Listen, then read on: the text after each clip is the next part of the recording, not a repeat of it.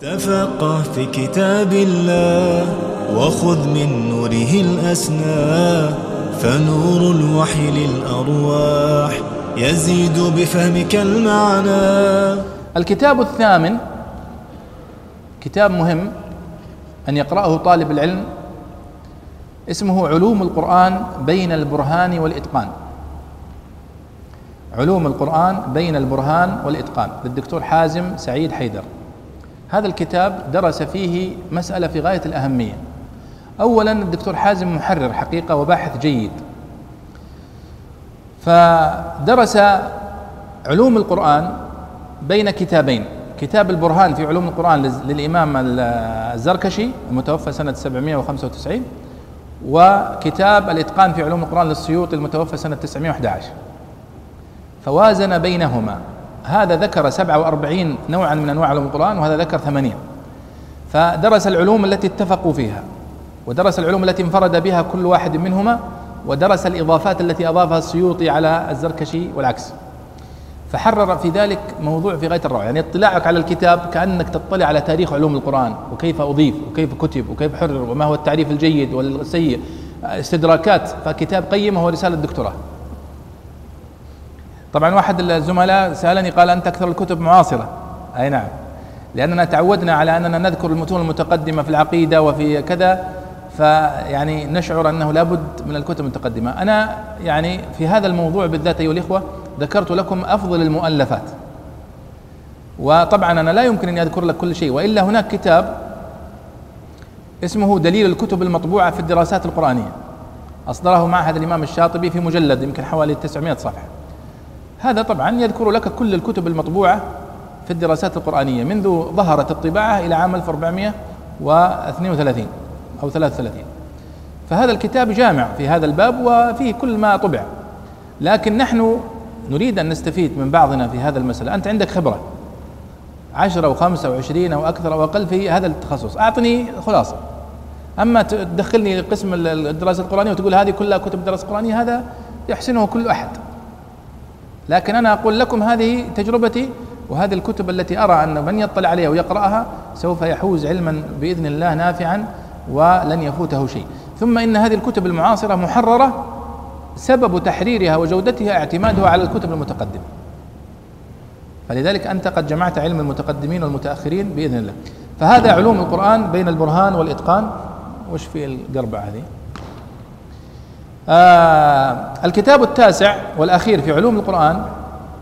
طبعا أنا في آخر القائمة ذكرت تحت كلمة متفرقات ذكرت لكم 29 كتاب تحت كلمة متفرقات.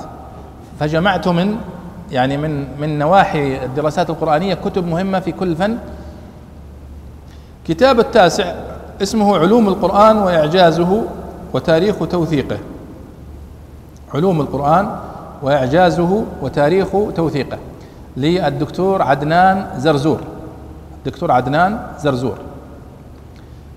هذا الكتاب أيضا من الكتب المعاصرة المحررة الجيدة التي فيها إضافات علمية واستدراكات وخبرات آه، مهمة.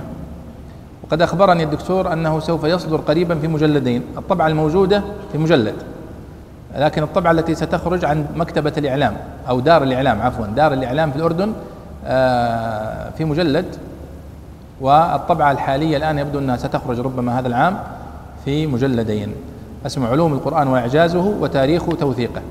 والدكتور عدنان ممن يرى أنه لا يصح أن نطلق كلمة تاريخ القرآن باعتبار أن هذا المصطلح مصطلح استشراقي الهدف منه الطعن في جمع القرآن. باعتبار أنك عندما تقول تاريخ القرآن كأنك جعلته يعني جهدا بشريا فيه يصيب ويخطئ. ولكن أنا أرى أن هذا نوع من التشدد والتكلف فإن المقصود بتاريخ القرآن دراسة التاريخ منذ نزل القرآن إلى اليوم ماذا تم فيه من الجمع والتحقيق وإضافة والتفسير وإلى آخره.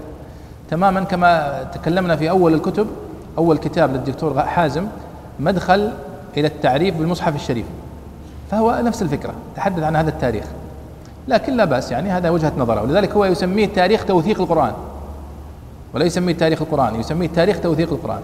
ويرى أنه بهذا قد يعني خرج من الحرج كما يرى. تفضل حبيبي.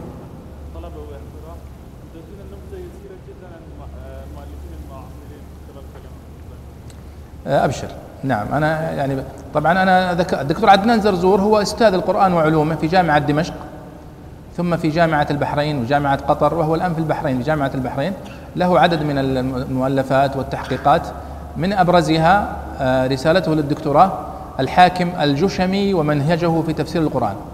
هذا كتاب قيم جدا منهج الحاكم الجشمي. الحاكم الجشمي هذا معتزلي.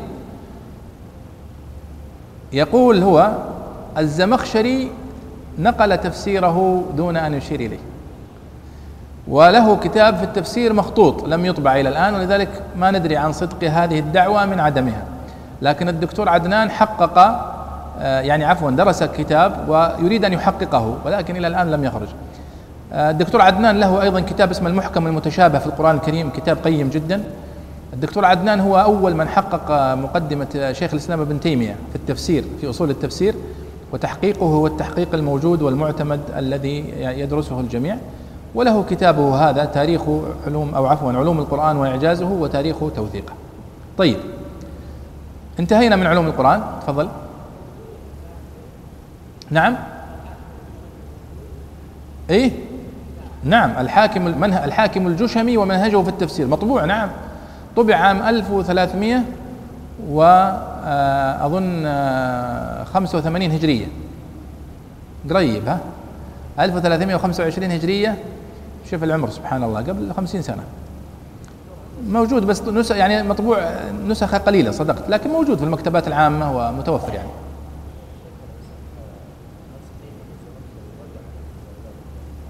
ما يمكن يرجع الزمخشري.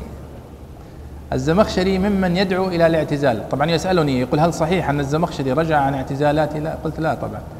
الزمخشري مات وهو على اعتزاله وبالعكس هو يرى أن هذا رجوله ولما هو معتزلي ما في خير. ولذلك يعني تجد أنه من المتشددين في شتم أهل السنة والسخرية بهم وغيرها عفى الله عنا وعنه.